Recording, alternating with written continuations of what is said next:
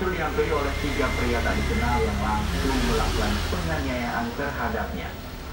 Mereka juga menutupi pakaian korban hingga telanjang.